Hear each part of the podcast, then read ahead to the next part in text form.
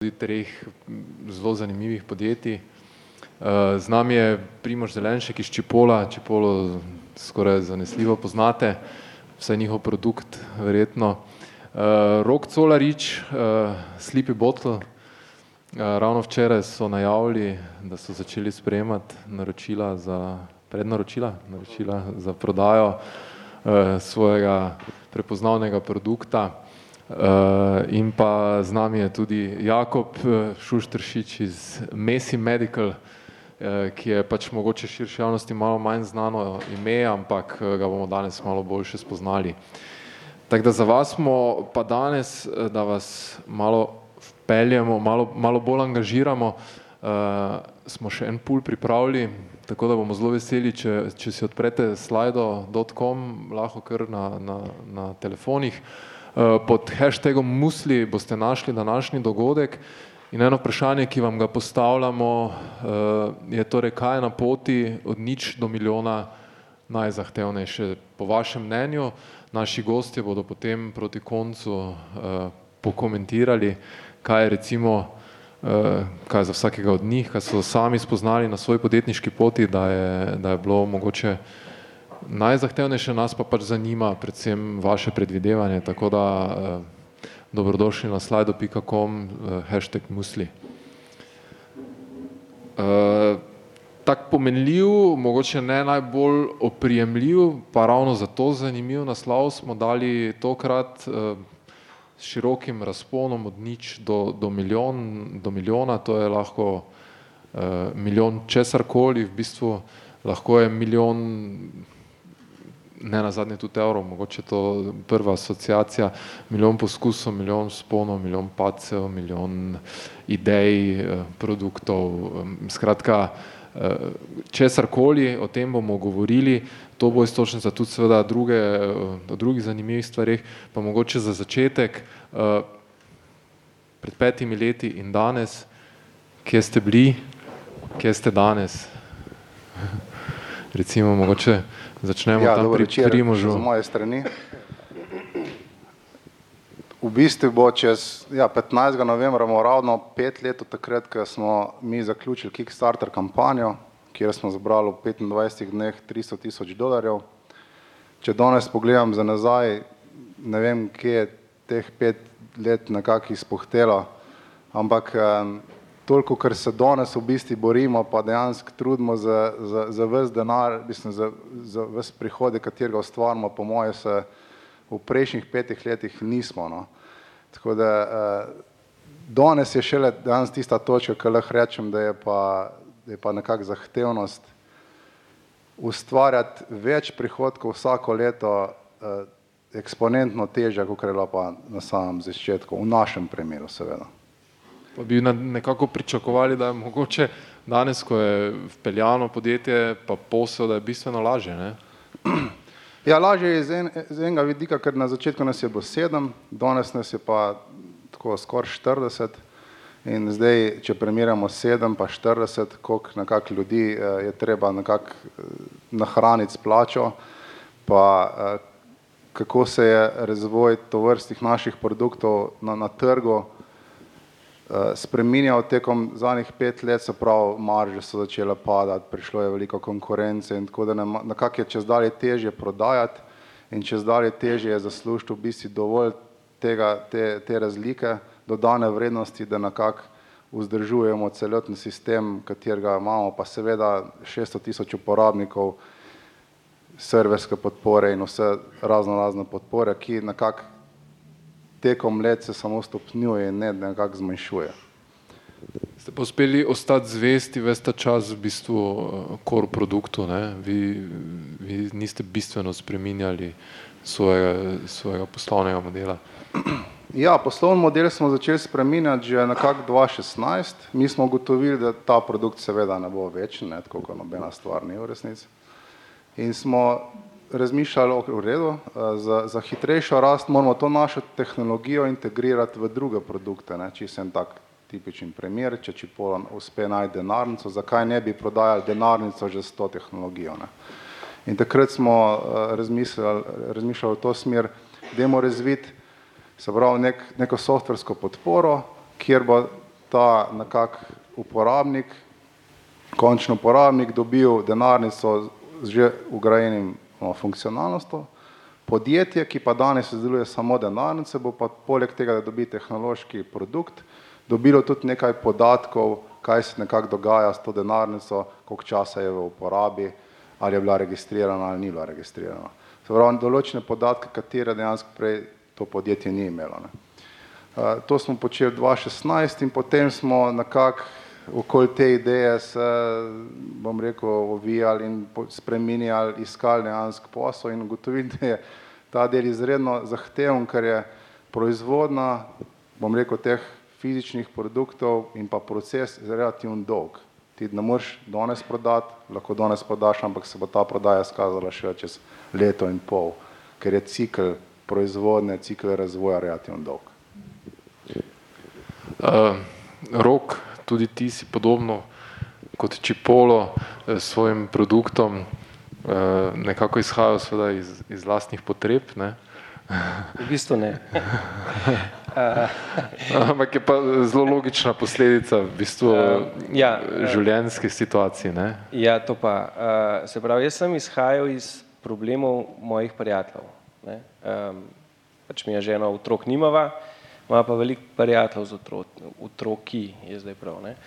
Uh, v glavnem in dejansko se je zgodilo, da sva na nekem uh, počitnikovanju čutila bolečino uh, pač staršev in uh, to je bil potem tudi razlog za razvoj te ideje.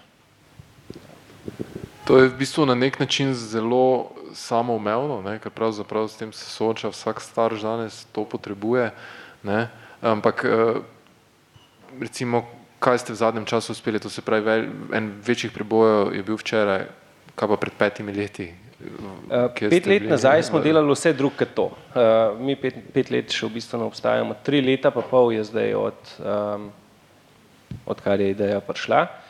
Um, dober naslov ste dali, ne? ker mi smo šli čez milijon težav in vsak dan so bili usponi in paci, vsak dan smo bili nahajpani na polno, na konc dneva pa podrti ali pa obratno. Ne?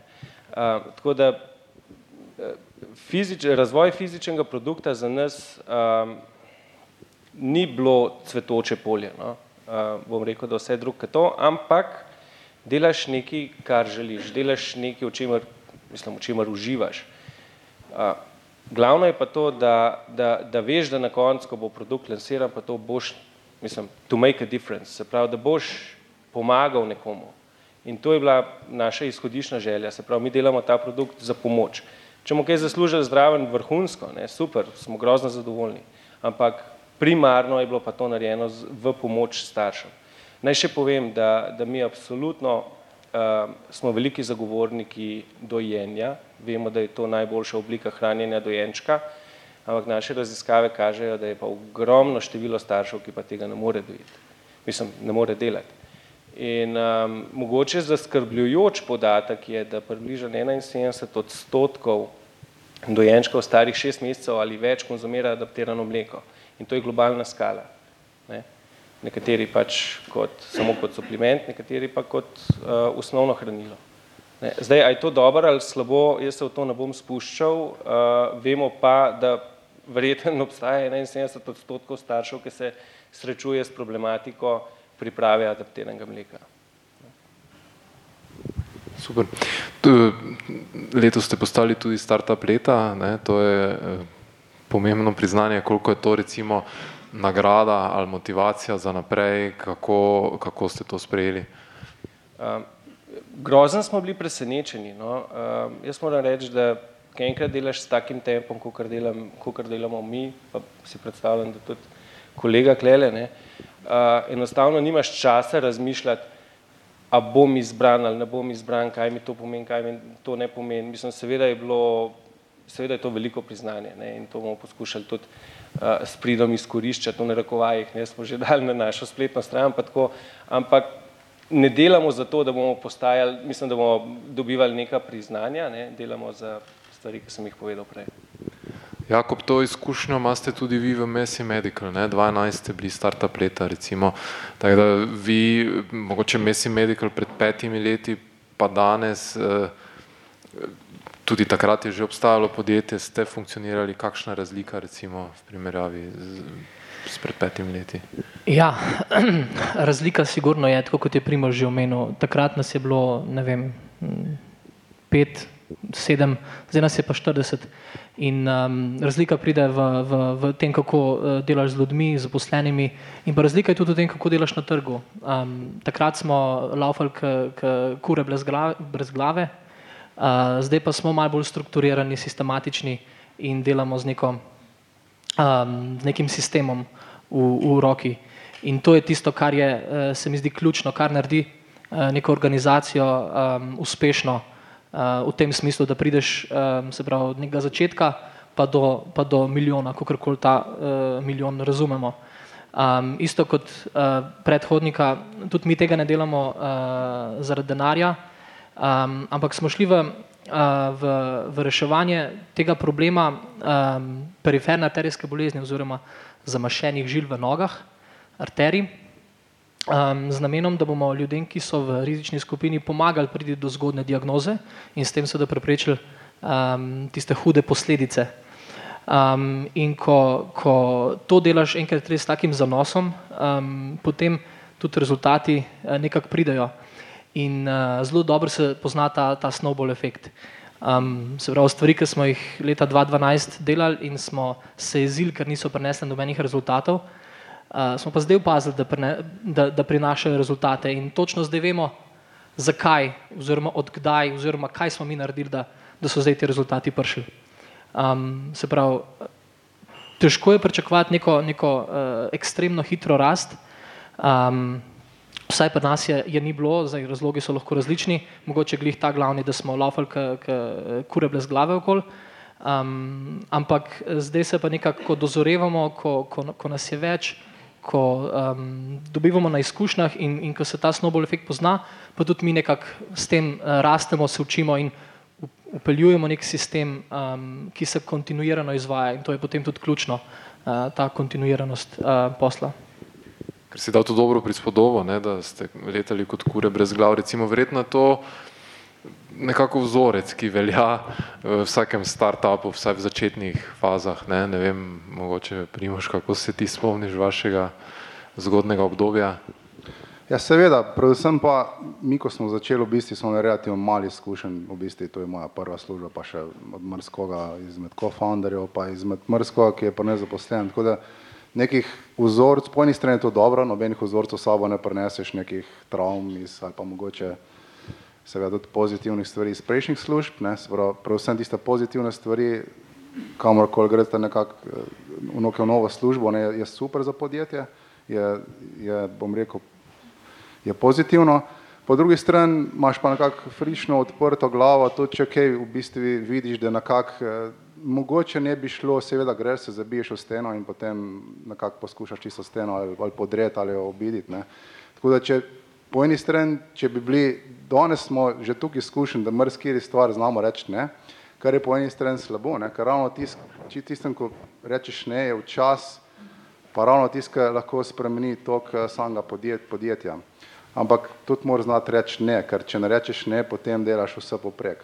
In tako kot je Jako prej omenil, nekako ta sistem nam je zdaj začel počasi funkcionirati, pa smo že pet let, vi, vi še kakšno leto vidim, da, da več, ampak Enostavno podjetja potrebujejo določen čas.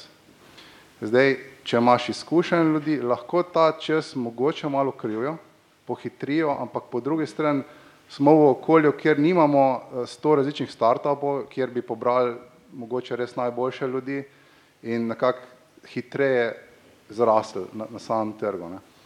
To sreče ali pa mogoče, bom rekel, nimamo, ampak po drugi strani imamo pa ravno to, da, da smo sposobni se nekaj novega dejansko naučiti in tudi sposobni smo rasti, ne tako hitro kot američani, ampak po drugi strani imamo pa spet neke druge prednosti, prilagodljivosti, eh, ki je v naš, naš naj, najmočnejši dejansko po moje eh, faktor. Tako da Čipolo v zadnjem letu in pol kar dost nekako poskuša najti neko boljšo, hitrejšo pot za hitrejšo rast, Kaj zdaj smo se v zadnjih treh letih nekako stagnirali pri nekih štirih milijonih prihodkov in v resnici ker z veliko težavo pridemo čez, čez ta znesek. Pa se znesek ni, ni pomemben na koncu koncev. Težava je, da, da, ni, da ni poti, katera bi nam omogočila, da bi hitreje eh, rasli. Ne. In ves prodajen proces je ratov čez dali počasnejši, kot opažamo. Zelo več truda moramo vložiti, da nekako uspemo narediti nek posel, ko smo ga prej v preteklosti, verjetno zaradi pravega trenutka, prisotnosti na trgi enostavno pač prišli in se nismo s tem ukvarjali. Da... Predvsem te zunanje okoliščine, recimo vi zdaj vidite kot nek dejavnik, ki vpliva na upočasnjeno rast. Ali tudi kakšne notranje, notranje dejavnike mogoče? Jaz bi rekel predvsem zunanje dejavnost, dejavnik, kar je pač sam trg. To je, jaz mislim, da je glavna, uh, glavna težava, oziroma težava, bom rekel, ni težava, bolje izziv, ne, ampak uh, vidimo, da pred petem letom je bil trg za naše storitve veliko bolj optimalen, kot je danes, se pravi, se moramo danes malo bolj prilagoditi. In ko imaš večjo ekipo, tudi ta prilagoditev je mogoče malo počasnejša. Ker enostavno ne moreš biti hitrejši. Če pogledamo, večja podjetja so še bolj počasna. To, to tako razmišljajo eno leto naprej, da se bi mogoče iz leve malo desno malo predstavili. Zelo, zelo tako za par stopinj. In v preteklosti smo bili zelo hitri, smo se kdaj zaleteli, ampak smo tudi zelo hitro to rešili. Danes pa po eni strani moramo to veliko bolj odgovorno narediti, kar je posledica, ker, se, ker je lahko potem prisotna neka slaba odločitve, lahko zelo kritična enkrat v prihodnosti.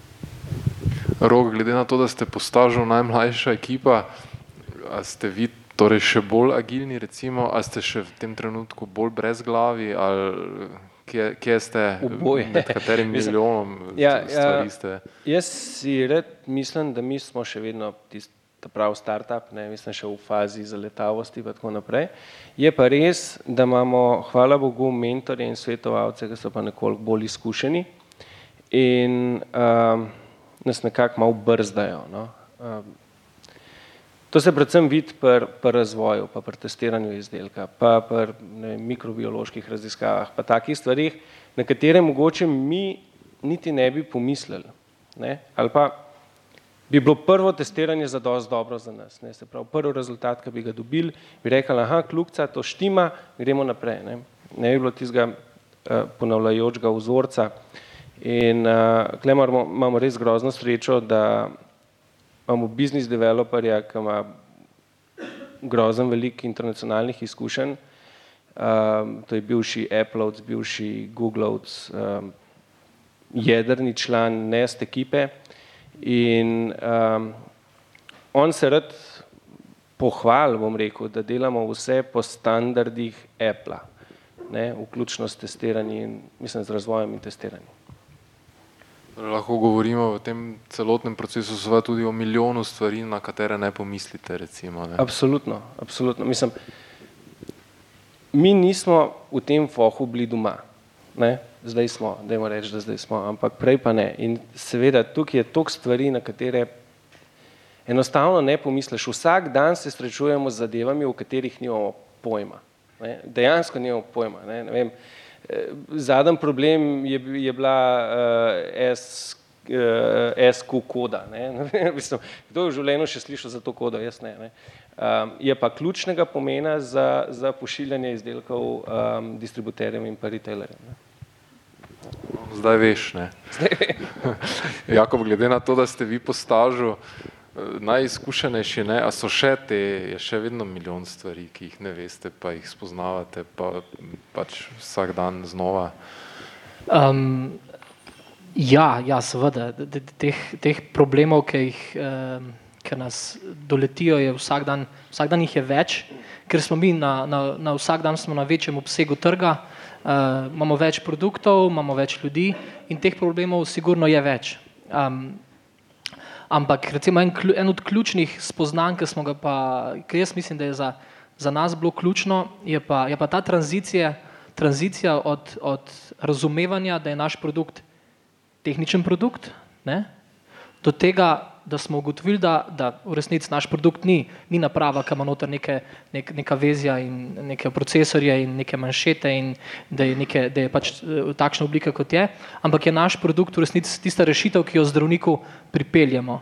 Ker na koncu torej, sam produkt je čist irrelevanten torej, v nekem smislu hardverja.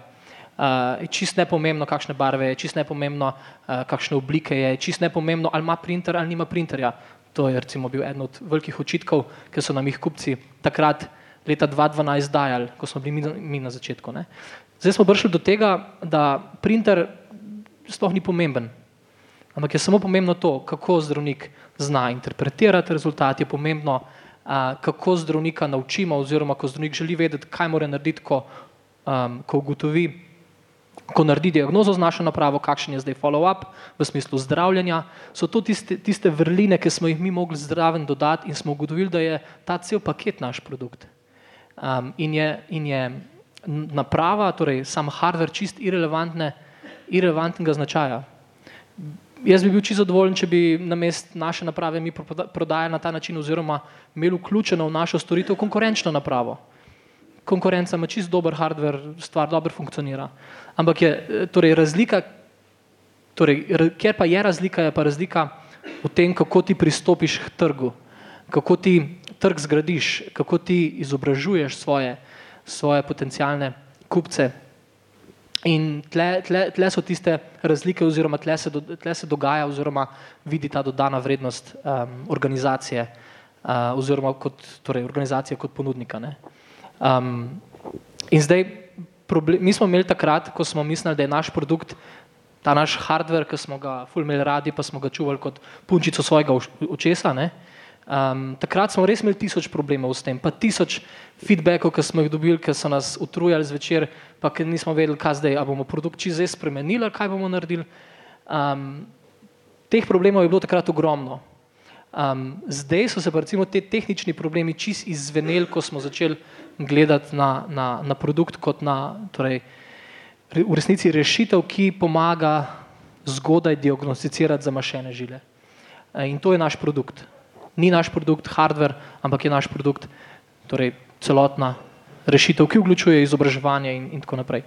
In zdaj je tistih tehničnih problemov iz milijon, ki smo jih imeli leta 2012, pa 2013, pa 2014, se je količina teh problemov zmanjšala na sto, ne več, ne več jih več ni tisoč ali pa milijon.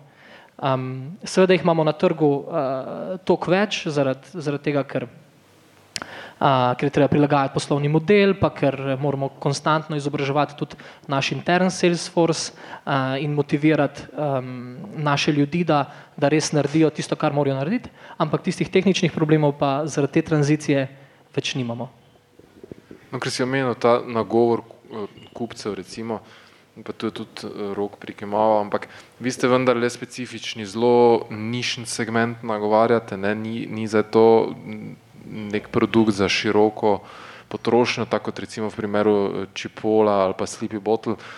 Na nek način ste tudi podvrženi, verjetno ne na zadnje, raz, javnim razpisom, ne? oziroma nabavi v velikih sistemih, ker pogosto tudi je slišati v tem kontekstu očitke o, se veš, pač, ja. kako nečem, prilagajanju razpisov, podkupljivosti. Kako težko je recimo za eno mlado podjetje, takrat še neoveljavljeno, prid do, do, do enega kupca, ki je, ne vem, zdravstvena ustanova, ki je sploh prid v sistem v bistvu. A, mi smo se zelo na začetku že takoj odločili, a, da ne prodajamo bolnišnicam, ker v bolnišnicah si ti podvržen javnim razpisom, tam si podvržen uh, večjim decision makerjem, uh, od tega, da moraš prepričati zdravnika, da je to prava stvar, tam moraš prepričati še medicinsko sestro, uh, ker se ji seveda ne da nekaj dodatnega delati oziroma spreminjati tistega, kar že ona do zdaj dela normalno. Uh, potem moraš prepričati um, vodjo oddelka, moraš prepričati še verjetno uh, kliničnega direktorja, moraš prepričati še uh, torej strokovnega in še direktorja podjetja, potem imaš pa še tam IT oddelek, ki, so, ki vemo, kako je, kako je s tem, ne, ki, ko prideš enkrat do IT-ovcev, uh, so vrata kar nekaj zaprta. In mi smo se zaradi vsega tega in zaradi problematike javnih razpisov odločili, da ne prodajamo bolnišnicam in prodajamo samo individualnim zdravnikom, um, ki pač to stvar itak potrebujejo. Um, in smo se v samem poslovnem modelu fokusirali uh, k tistim kupcem, kjer ta problem um, teh večjih decision makerjev in pa, in pa javnim, torej, javnih razpisov preprosto uh, pač ta problem odstranimo. Uh, zdaj, seveda je to specifika industrije, v kateri smo mi oziroma trga, uh, recimo v zdravstveni domovi do, do, en, do zneska, mislim, da uh, 20 tisoč evrov niso podvrženi javnim razpisom, potem uh, v Nemčiji, Angliji, Franciji, Španiji je, prime, torej je primarno zdravstvo itak deluje uh, po sistemu individualnih zdravnikov, uh, ki se sami odločajo in so privatni zdravniki in delajo v partnerstvu z zavarovalnico, niso v, v neki javni schemi.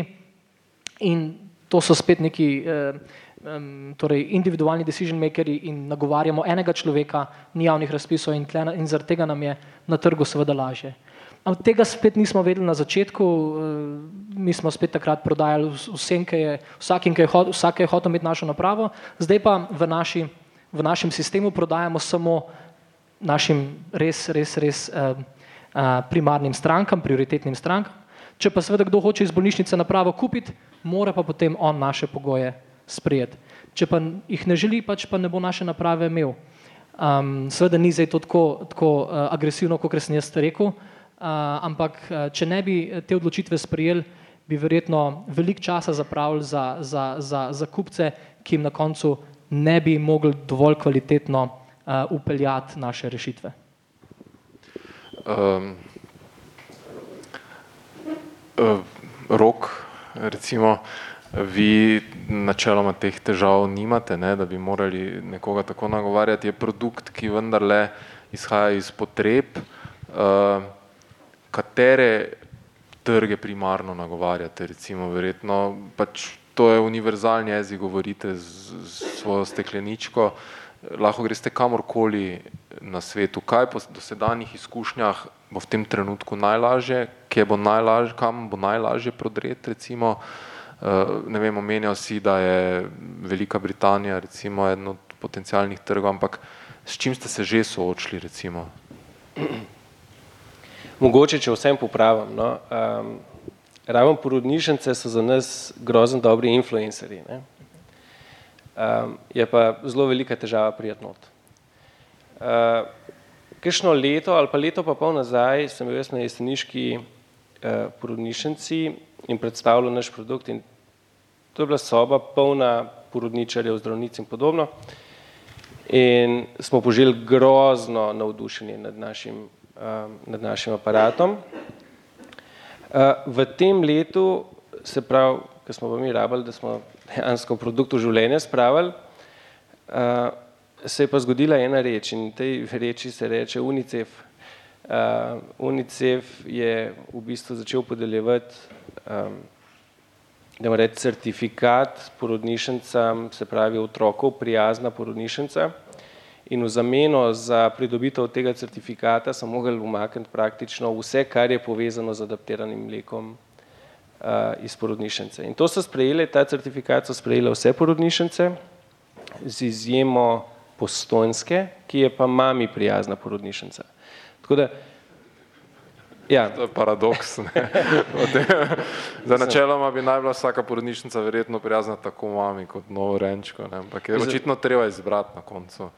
Je, kar je, ne? mislim, situacija je taka, kar je, kle pač ne moramo veliko narediti.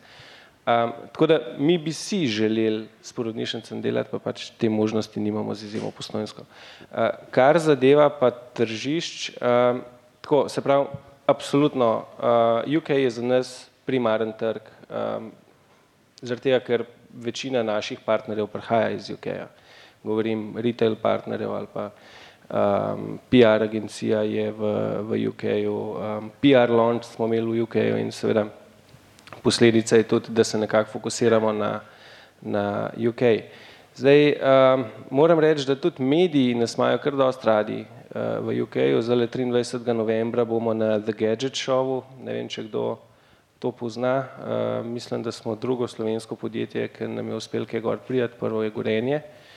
Um, tako da, ja, fokus je absolutno na, na, uh, britanska, na britanski trg, um, lončamo pa usporedno še z Oslom in Kopenhagnom, se pravi nekako skandinavska tržišča, znajo biti dosti zanimiva za nas. Absolutno pa vsi ostali relevantni evropski trgi, ne, mislim relevantni v smislu Nemčija, Španija, Francija, Italija. Uh, drugo leto se pa že nekako malo spogledujemo z idejo, da bi prodrli na, um, se pravi, na trg Združenih držav in pa verjeli ali pa ne, Kitajska je za nas najbolj obetaven trg.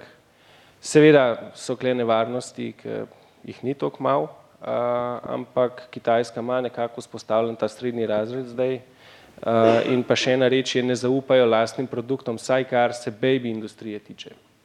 Ne, oni so v letu 2015 imeli neko grozno uh, smolo, uh, kjer je ne vem koliko dojenčkov pomrl v glavnem in se utepajo lastnih uh, produktov, ne zaupajo. Tako da Pa verjetno velja, da že če manjši segment usvojiš trga, to že absolutno gledano velika številka. Ne? Mislim, absolutno. Ne? Zdaj, problem je ta, ker seveda to je čist druga kultura. Ne? To je nekaj tazga, kar ne vem, si mi niti ne predstavljamo. In zelo težko je ta trg napadati sam.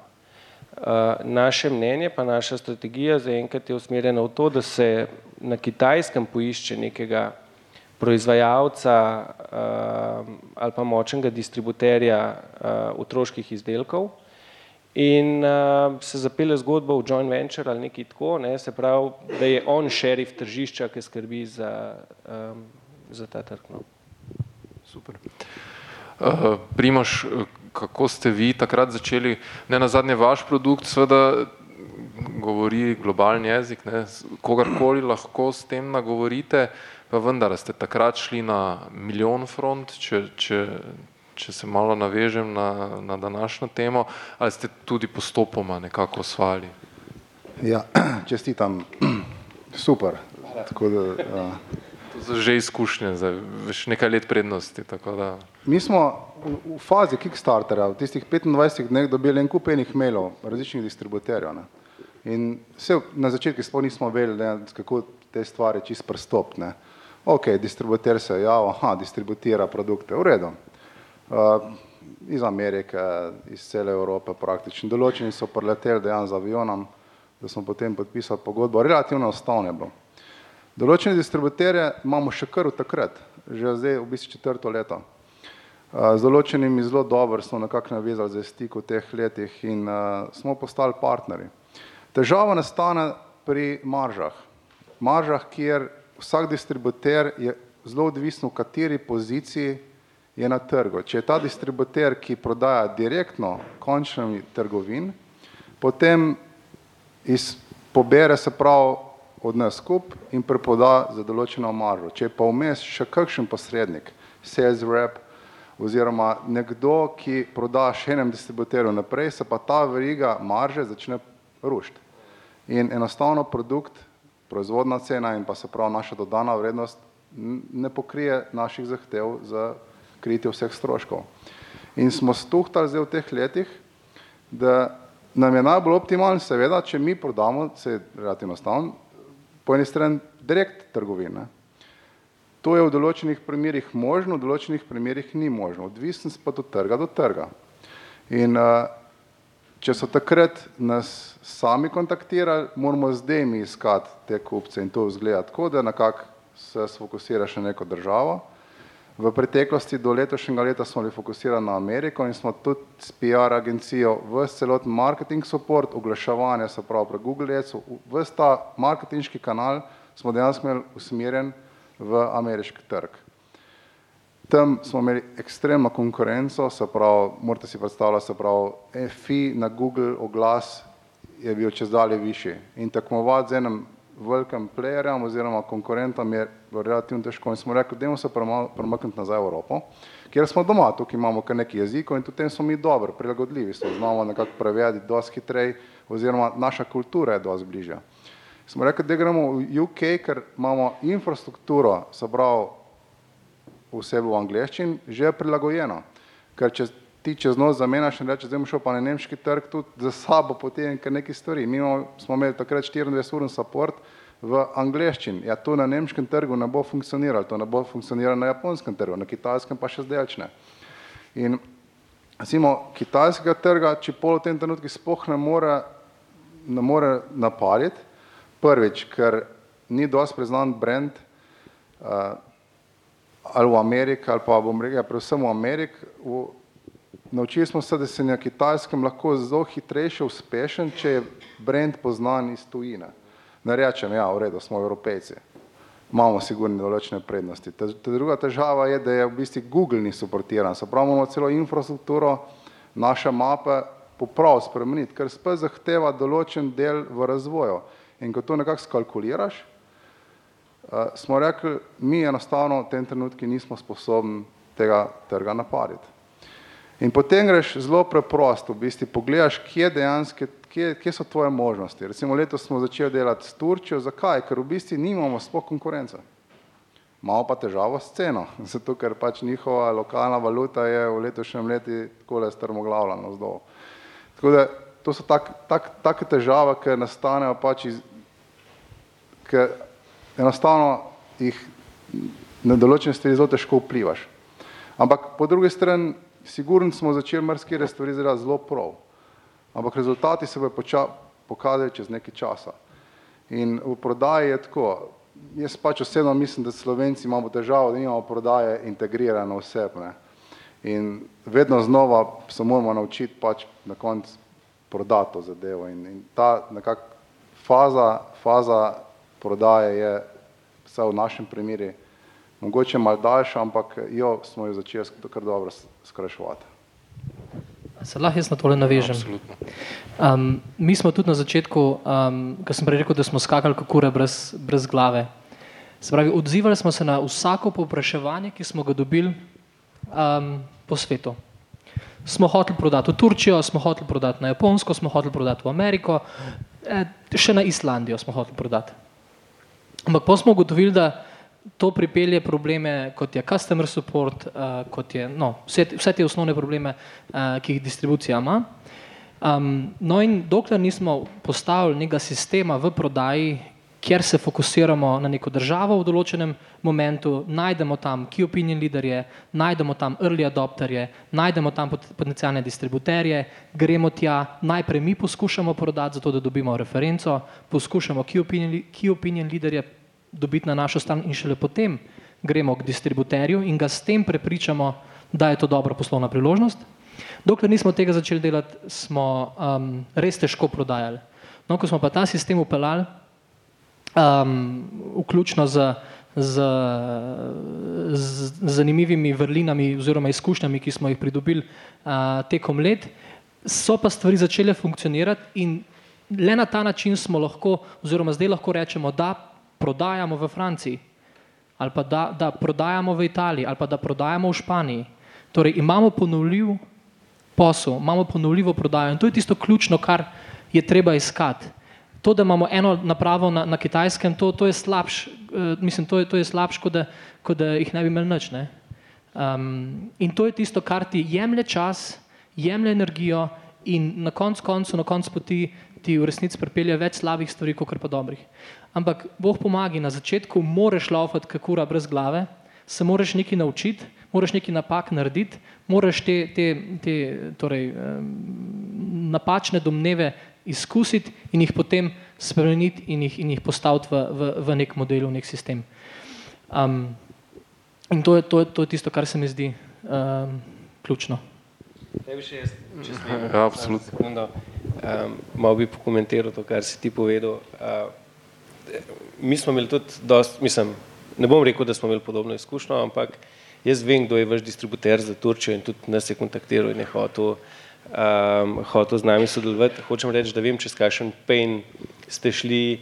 Uh, vem, da v Turčijo, uh, mislim, z dostopom ali pa z odpiranjem turškega trga, to pomeni, koliko je treba ceno spustiti, da si lahko sploh konkurenčen tam in, in podobno. In klej bi mogoče izpostavil še tisto, ki si prej omenil, reči ne neki stvari, da se treba naučiti reči ne neki zadevi. Ne.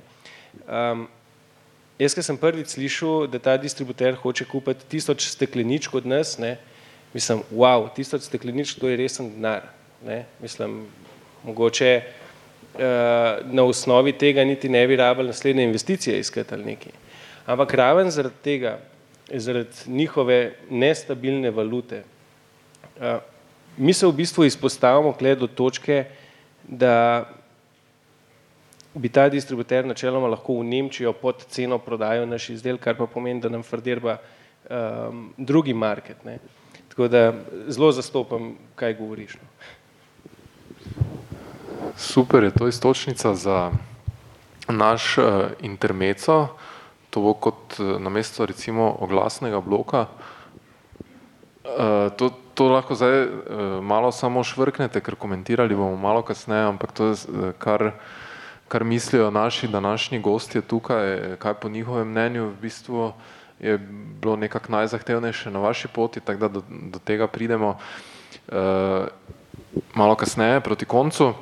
Jaz bi pa zdaj to ravno izkoristil, če bi zdaj vse, kar ste povedali, recimo, ali pa če, če vzamemo samo to, to, te točke, kjer ste danes, kjer so vaš, vaše podjetja, vaša podjetja danes, pa če pozabimo ta background zgleda kot uh, ta uspeh na nek način ne, in pogosto ga marsikdo jemlje kot en tak uh, uspeh čez noč, ne, overnight success, ampak vsi ti preko nočni uspehi praviloma trajajo nekaj let, precej let.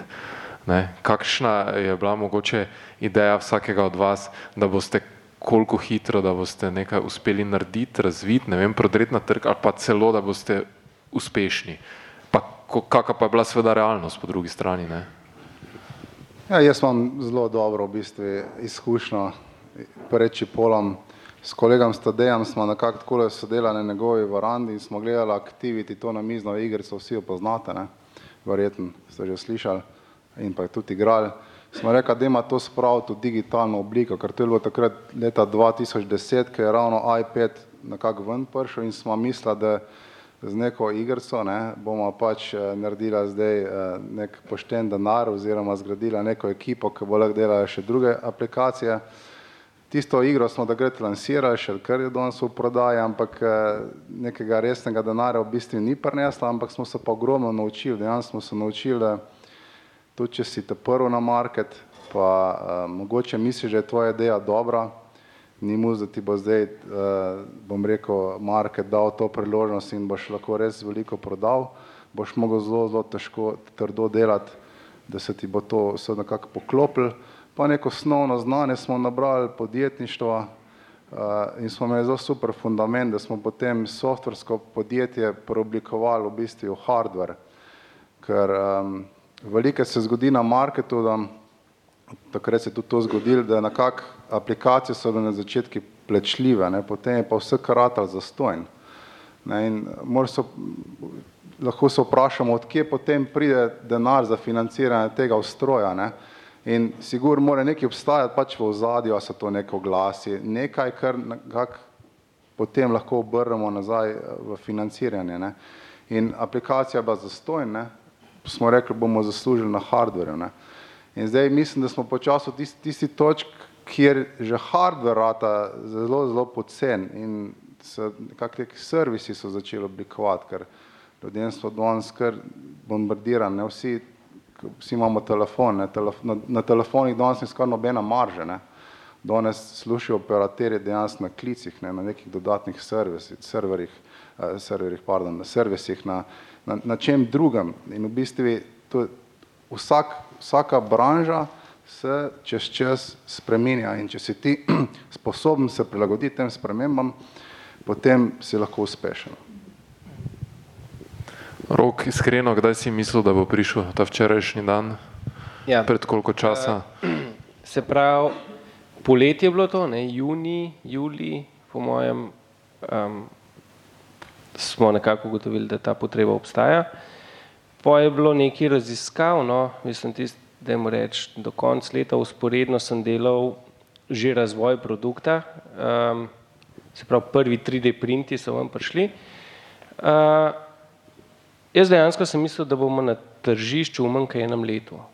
Ne? Jaz si nisem predstavljal, da bo 12 različnih prototipov vse razvilo za to, da smo na koncu prišli do, do tistega, ki mislimo, da je najbolj intu, uh, intuitiven za, za končnega uporabnika. Jaz nisem vedel, da bomo vem, 10 plus vezji mogli razviti, grelnih elementov in tako naprej. Tudi slučajno si pa nisem predstavljal, da bojo certificiranja trajala po šest mesecev plus. Ne?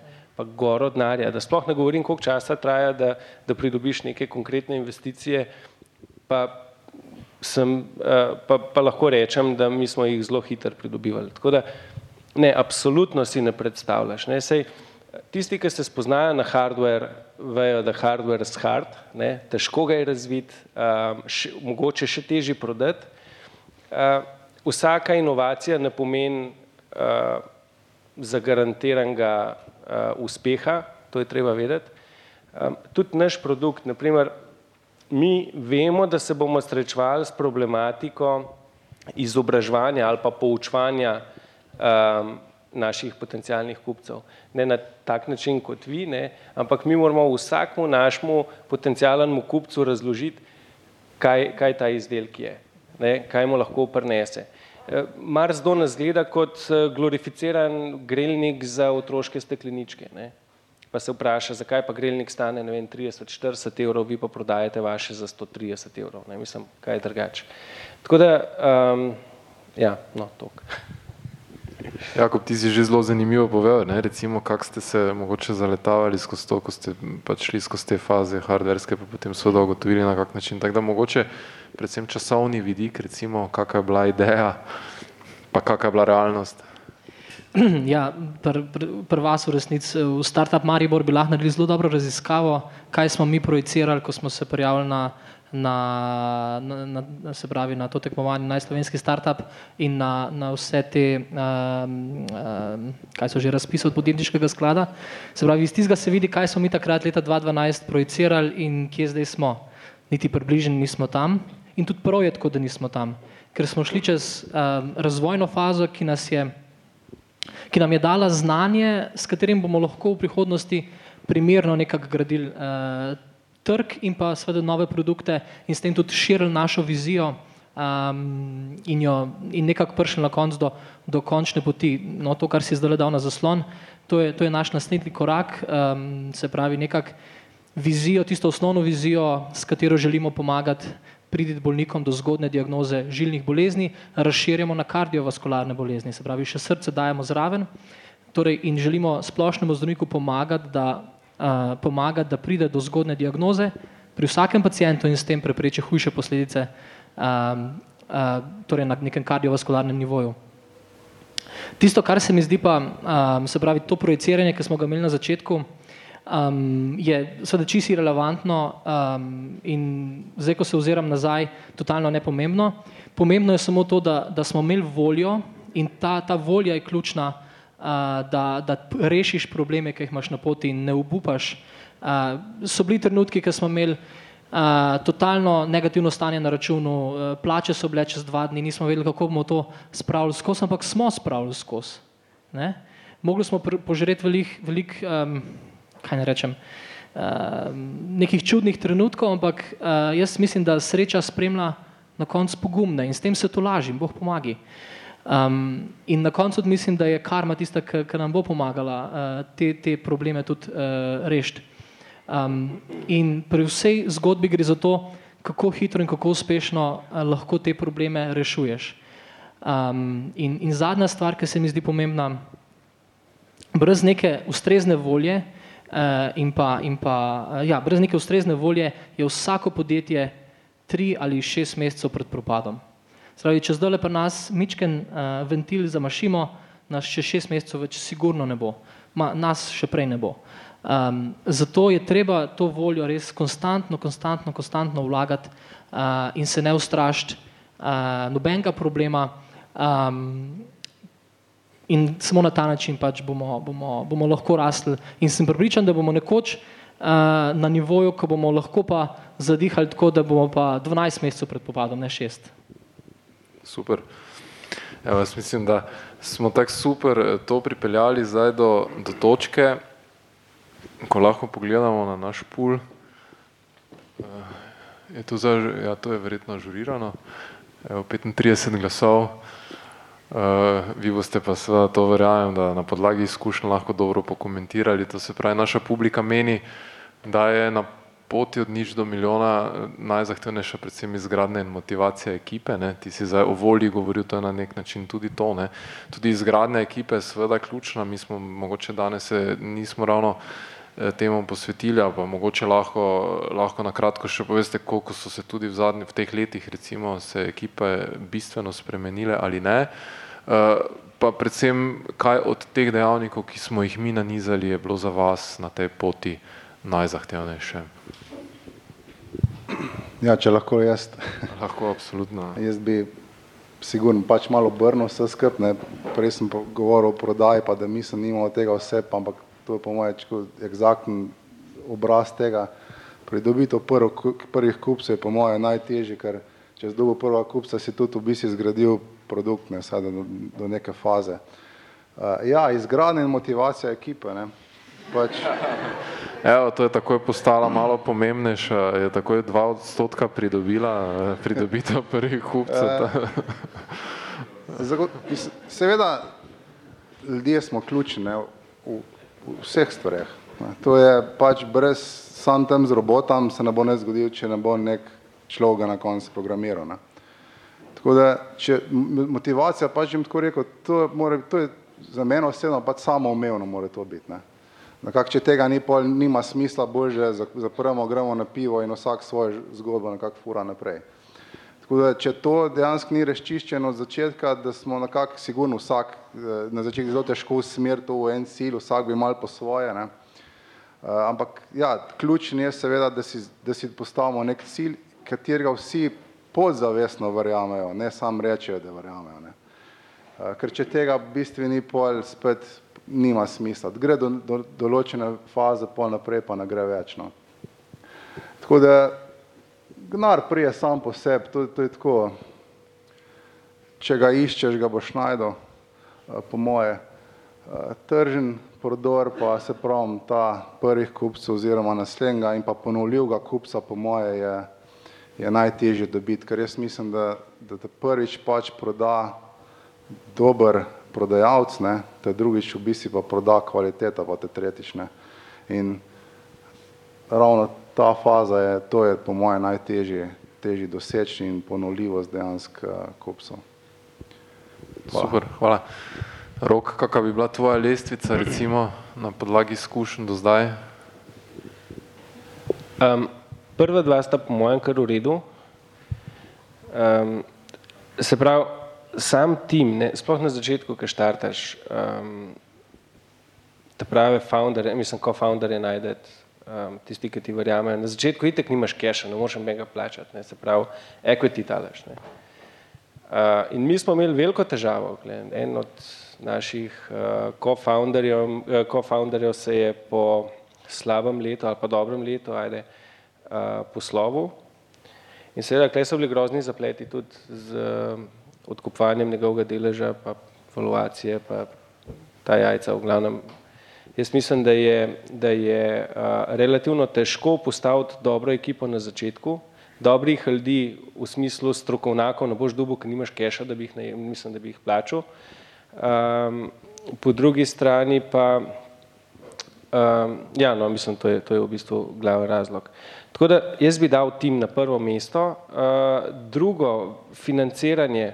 Mi nismo, mislim, mi smo imeli nekaj težav, nam je uspelo pridobiti kar zajeten kupček denarja, nismo se pa posluževali raznih SPS-ov pa to, vi ste nekaj bili na tem, ne? Ste še kar, ne. So še lisice gor. Ampak saj to je, Ne, ne, ne, saj moram reči, v bistvu je sodelovanje čisto korektno in jaz mislim, da v tisti fazi takrat smo se dobro odločili, tako da sigurno smo se dobro odločili, pač ker verjetno takrat tudi drugače nismo bili sposobni. In tudi danes imam vse možnosti, da nekako naredim kako stopničko naprej in pridobim še kakšnega drugega investitorja, tako da daleč od tega, da bi bili zaprti tukaj, no. Čakaj, Rok, ti imaš pa pomisleke v bistvu zoper financiranje recimo podjetniškega sklada ali pa teh shem podpornih? Ja, imam, imam pomislek, odkrito povem, ker mi si ne moremo privoščiti zaposliti človeka, ki bo poročal pa, pa formularje izpolnjeval pa tako naprej. Preveč se mi zdi, mislim, da je preveč nekega poročanja, pa tako saj to verjetno boš ti znal bolj povedati. moram to replicirati. Ja, poročanje po eni strani v resnici ni tako švoh, sem se jaz naučil, ne, sicer sem na trenutke kar malo slep, ampak zdaj smo našo ekipo tako izobrazili, da to pa se naredi avtomatsko. Poročanje je dobro zaradi samega sebe, da ti v bistvu vidiš, kaj si dejansko naredil. Tako da slejko prej boš poročal pa kjerem drugem. Tako da brez skrbi. Poročam že zdaj, ne se imam ja. uh, bord, ki ga grozen zanima, kaj se z njihovim denarjem dogaja. Ne. Tako da lej. Da lisice pridajo z ene ali z druge strani, očitno ne. Mislim, jaz mislim, da tako, no, denar, kater je takrat na voljo in če je tisti denar pripravljen investirati v podjetje, potem če misliš, da boš naredil en korak naprej, ga pač enostavno vzameš in mi smo to naredili. Okay, um, jaz še vedno mislim, da pri nas je bil denar relativno velik problem, sploh ker štartaš iz nule, rabaš pa denarja ful, če hočeš uh, v življenje uh, produkt, kot je naš spravt. Uh, govorimo o postavitvi proizvodne, pri nas je vse custom made in, in oba verjetno veste, koliko stanejo urodja za tako stvar. Um, in vse ostalo. Tako da, Dobro, ampak denar je verjetno nujen, ne pa tudi zadosten pogoj. Ja, ja. Um, tretja stvar bi pa jaz izpostavil kupec, ne, se pravi kupca pridobiti. Ti se moraš najprej obremenjevati, kako boš prvega kupca dobil. Ne. Vse ostalo je potem, um, mislim, za sabo potegne. Ti se moraš fokusirati na prvega kupca, ti moraš vedeti, kdo je tvoj kupec, kjer ga boš targetiral. Potem globalizacija pa prodor na tuje, na tuje trge. Kaj enkrat štartaš s prodajo, kaj enkrat osvojiš neko tržišče, potem je relativno enostavno um, preslikavati na podobna tržišča. No. Jakob je pri vas, ki ste bolj osko usmerjeni, specializirani, kaj drugače? Ja, jaz bi pa rekel, da prvega kupca sploh ni težko dobiti. Mi smo, se spomnim, prvo napravo prodali takrat, ker še stvar ni delala. Se spomnim, smo uh, z Tomotom, soustanoviteljem, um, do šestih zvečer eh, še cinila tiste uporčke, pa tiste stvari gor. Um, In potem jo je, eh, se pravi, sodelovka, sodelovka Daša nesla, nesla to napravo zdravniku in vam povem, mi smo tam, tam noter, mislim, to, to, to je bilo groza od groze, tam smo celo neke stvari fejkali, da, da smo vsaj nekaj prikazali. Sedaj smo dali obljubo, da takoj, ko bo stvar boljša, bomo brezplačno zamenjali in tako naprej, ampak Tako je bilo na začetku in tistih prvih kupcev, kjerkoli po svetu, ni bilo težko dobiti. Še zdaj, jih, če gremo eno državo, jih takoj dobimo. Problem je dobiti, to so ti early adopteri, te čakajo. Ampak potem so pa oni mainstream kupci, tisti pravi kupci, ti, s katerimi ti zgradiš trg, te je pa težko pridobivati, če nimaš enega sistema. In spet pridemo do tega sistema. In potem pridemo še do ene stvari, ki se je pa reče numbers game. Če ti pokličeš 100 kupcev, boš prodal desetim, če jih pa ti pokličeš milijon, kako je že pa to, boš prodal pa 100 tisočim. Ne? In ta matematika velja v kjerkoli industriji. Um, tako da meni se zdi, da te da early adopteri niso problem, problematični so potem tisti mainstream kupci. Kar se pa financiranja tiče, je pa tako. Um, uh, denar nekako pride sam po sebi, um, če ni investitorjev, Pol so še lastni žepi, so krediti, so, so prijatelji, so družine, konc koncev. Um, tle se, se nekako tisto, tisto nek, tist minimum se da dobiti, da se, da, se, da se še preživi naslednjih par mesecev, takrat, ko si v tisti razvojni fazi. Sedaj, ko priješ enkrat v zrelo fazo, jaz mislim, da smo mi že kar v zreli fazi, uh, takrat se ne smeš igrati s tem, ker moš ti na koncu 15 dati 40 plač na, na, na, na mizo in takrat moraš ti biti, uh, moraš mal naprej gledati za, za ta sredstva. Um, zato je, se pravi, veri financiranja so, so problematični v različni fazi podjetja, torej so različni problemi. Na začetku to ni problem. Pač, če ne dobiš denarja, pa pač zapreš, pa greš, pa boš nekaj druga enkrat probo. Ne? Ni to taka reč. In jaz sem zelo hvaležen, da smo začeli z Mesijem, ko smo bili še študenti. Jaz sem imel štipendijo, um, zraven sem še borovničke prodajal uh, in mi relativno ta denar ni. Združljivo, ne, recimo, mislim, zelo. Meritev gležnskega indeksa borovničke, to, ko so gležni po borovničkah tudi mehkejši, če bi to zelo neposredno, pa vem, da nima, recimo, ja. nima te, te, te zveze, ampak če bi to tako apliciral, ne, ampak kaj hočem reči, ful dobro je to začeti, ko si, ko si študent, ker ti imaš neko varnost in se v resnici igraš. In preizkušaš neke, neke, neke meje, in na koncu, če, če rata, rata, če ne, pa ne. Uh, ampak, če imaš to voljo, bo ratal, ni dvoma. Vir financiranja je, je velik, večji, večji, večji, res večji problem zdaj, ker pač moraš ti ljudi nahraniti. In če podjetje zapreš, imaš še za sabo toliko pa toliko kupcev, ki rabijo neko podporo. Imaš ti nek liability, neko odgovornost do tega. Um, um, kar se pa tiče seveda um, izgradnje in motivacije ekipe, um, ljudje smo narejeni, um, torej ljudje delamo v ciklih, um, se ful zaženemo uh, naredimo nekaj krasnega, potem nam pa ta energija mal pade.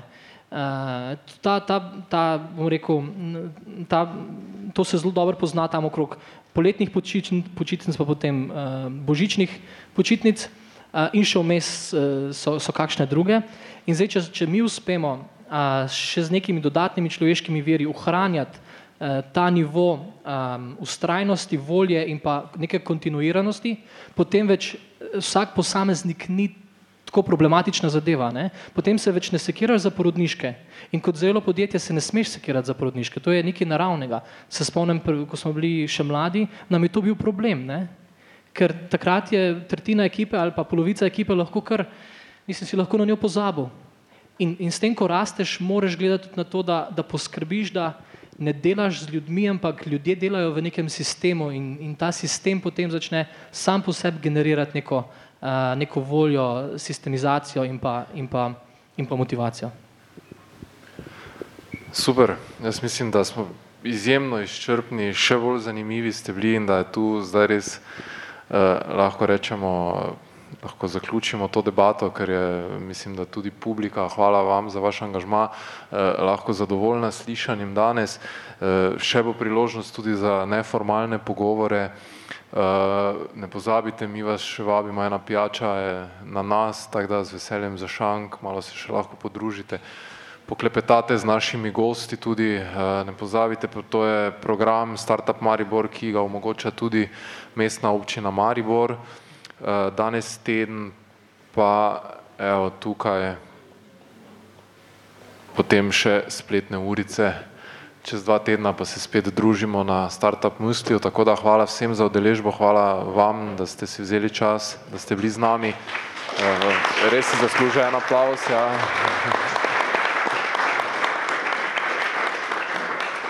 Hvala vsem še enkrat, eh, se dobimo za šankom na pijači. Eh, srečno. Thank you.